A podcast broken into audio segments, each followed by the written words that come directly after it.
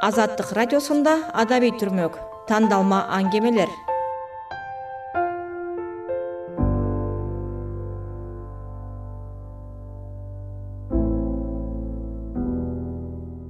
Жазуучу бекмамбет атаканов жаштыгын сталиндик абакта өткөргөн. Миллиондордун башын жуткан ал апаат анын чыгармаларында чагылдырылган. Сибирдеги оңой эмес тиричилик мекен тууралуу эскерүүлөр атакановдун бир нече чыгармасынан кездешет саламатсызбы? Бул ирет тандамал аңгемелер түрмөгүндө таластык жазуучу бекмамбет атакановдун мадылбек аңгемеси тууралуу кеп кылабыз.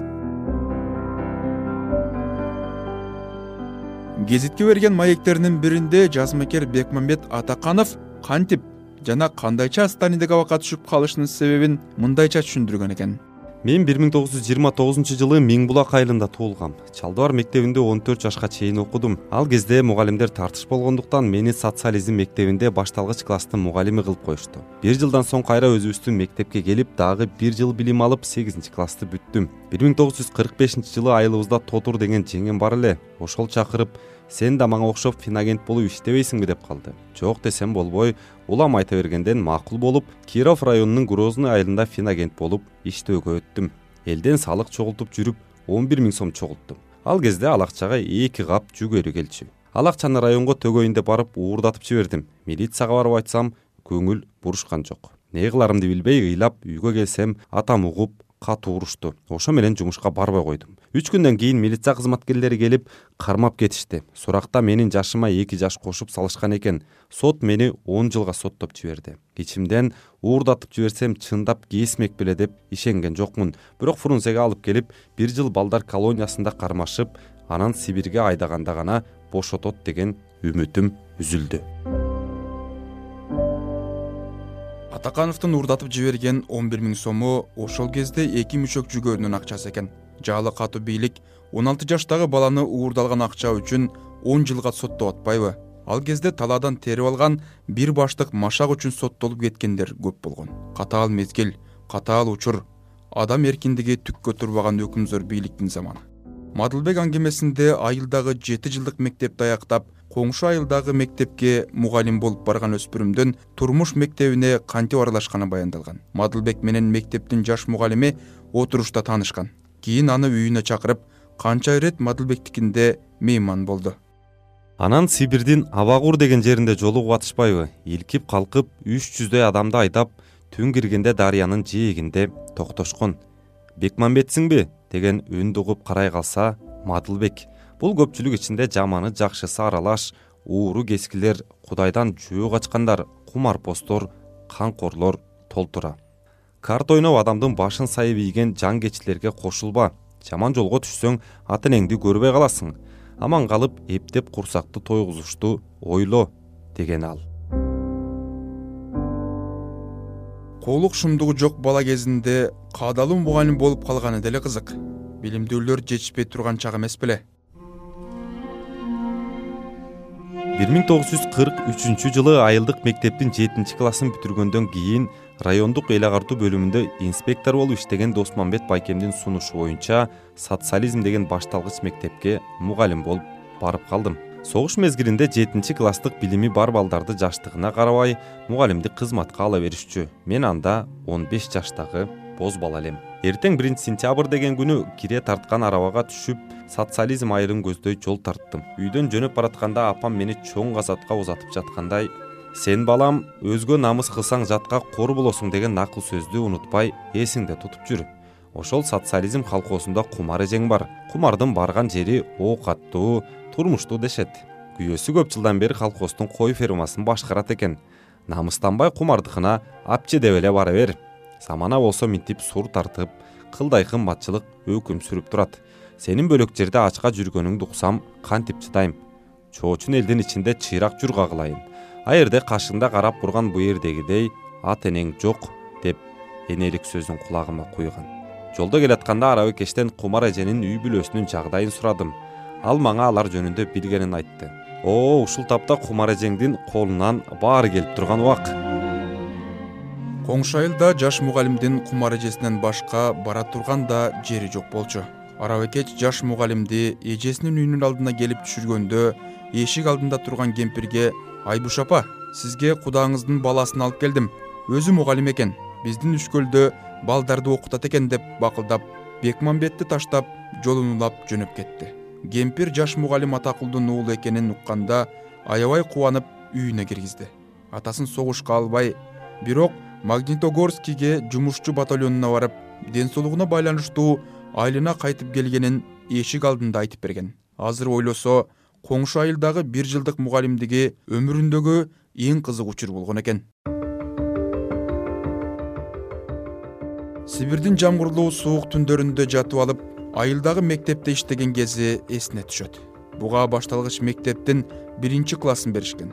Түшкө чейин сабагын өтүп коюп кечке бош мектептен кетпей кийинки сабагына даярданып мугалимдер отурчу бөлмөдөн чыкпайт. Баарынан жакшысы кумар эжесиникинде жашап калганы болду. Сооронбай жездеси жайлоодогу малчылардан бошогондо жумасына үйүнө бир келсе келет келбесе жок. Эжеси кырмандан качан келип качан кеткенин кээде туйбай деле калат. Ошондой күндөрдүн биринде мектептен келатса алдынан мадылбек чыгып үйүнө конокко чакырды. Келгенден бери сени үйгө чакыра албай жүрдүм эле меймандар менен чогуу олтуруп үйдөн тамак ичип кет деди. Мадылбектин коноктору райондон келчү чоңдор экен.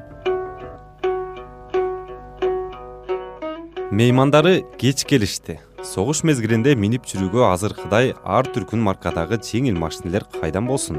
Райондун чоңдору жалгыз ат чегилген пружиналдуу трашманке араба минишчү райондон күткөн меймандары үч адам экен. Үчөө тең аялдары менен келишти ошондо чачтарын желкесинен кыскартып кырктырган кыз келиндерин биринчи көрүшүм. Болбосо ал убакта күйөөгө чыга элек кыргыздын кыздары эки жаагын бастыра саамай өрүшүп качан гана турмушка чыкканда чачтарын эки өрүм кылып артына ташташчу. Кыз менен келиндин айырмасы ошол чач өрүүдөн ажыратылчу эле. Айылдан бөлөк эч жака чыкпай шаар көрө электенби кандайдыр ал эки келиндин чунайта кырктырып салган чачтары мага өөн көрүндү мадылбектин жакшы келинчеги дасторкондун үстүнө жаңы союлган койдун этинен куурулган куурдак алып келип койду. Анын артынан шыгырап арак куюлган бөтөлкөлөр келди. Меймандар арак ичише баштады. Күйөөлөр менен жарыша аялдар да арак ичишет экен. Ошондо жаш келиндердин эркектер менен кошо жарыша стакан кагышып арак ичкендери да мени таң калтырды. Аракка кызый түшкөндөн кийин бири бирине азил тамаша сөздөрдөн ыргытышып каткырык күлкүлөр чыкты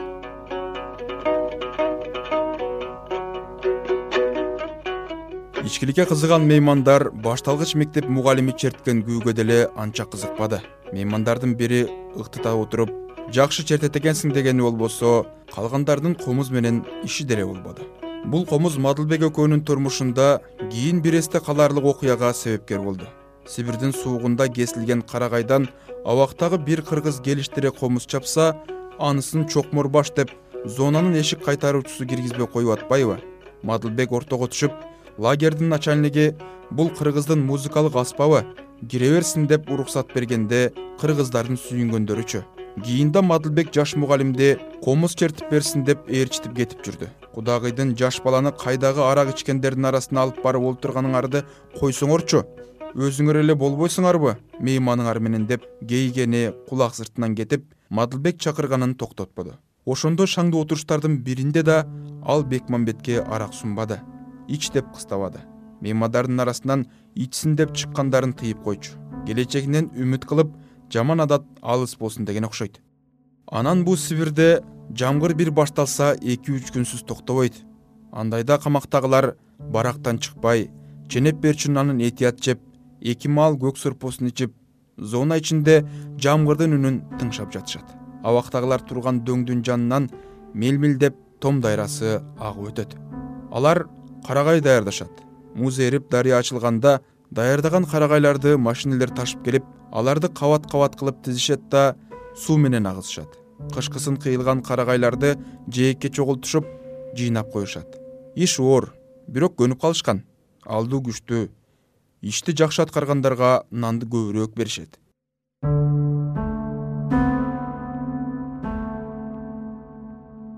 эки жерде шагайны ынак сырдаш болуп кетишти. Бекмамбет бечара болбогон иш менен он жылга кесилген. Өзү ошентип ойлойт. Бирок тээ алыскы москведо отургандар антип ойлошпойт экен. Бир кап жүгөрүбү эки каппы социализм байлыгына кол салгансың ополтоо акчаны уурдаткансың дешип кабакты чытыган соту да актооч кароолчусу да жагдайды жакшылап иликтеп жеңилдетчү себеп табышпады а сот тууралуу кепти мугалимдигинен бошонуп айылга келип сегизинчи класста окуп жүргөндө укту кумар эжесинин атасы күйүкбай абасы таң заардан атасына келиптир. Айтымында күйөө баласы кызы колхоз башкармасы бүркүрөргө сурак берип жаткан экен. Суранычы мага караганда закүндү билесиң деп маанайы чөгүп басынып калыптыр. Атасы кызыңдын эки баласы бар ошол жазасын жеңилдетиши мүмкүн деди. Башка эмне айтылат? Өкмөт өзү акыйкаттап алар деп мүңкүрөп отуруп калган тууганын жооткотуп узаткан.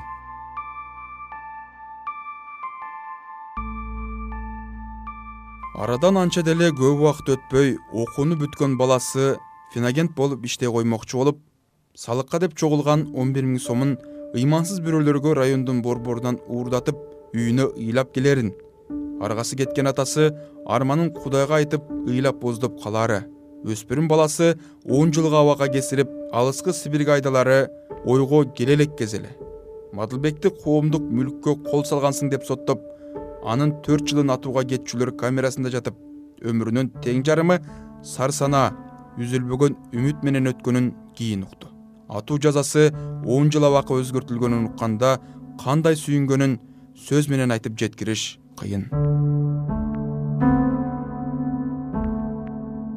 угарман тандамал аңгемелер түрмөгүндө жазуучу бекмамбет атакановдун мадылбек аңгемеси тууралуу айтып бердик берүүнү даярдаган бекташ шамшиев. Текстин айбек бийбосунов жана мен түмөнбай абдинаби уулу окудук. Бул подкасттын ар чыгарылышында кыргыздын же чет элдик жазуучулардын бирден аңгемеси тууралуу баяндап берип турабыз. Бул түрмөктү баардык подкаст платформаларынан таба аласыз. Эсен туруңуз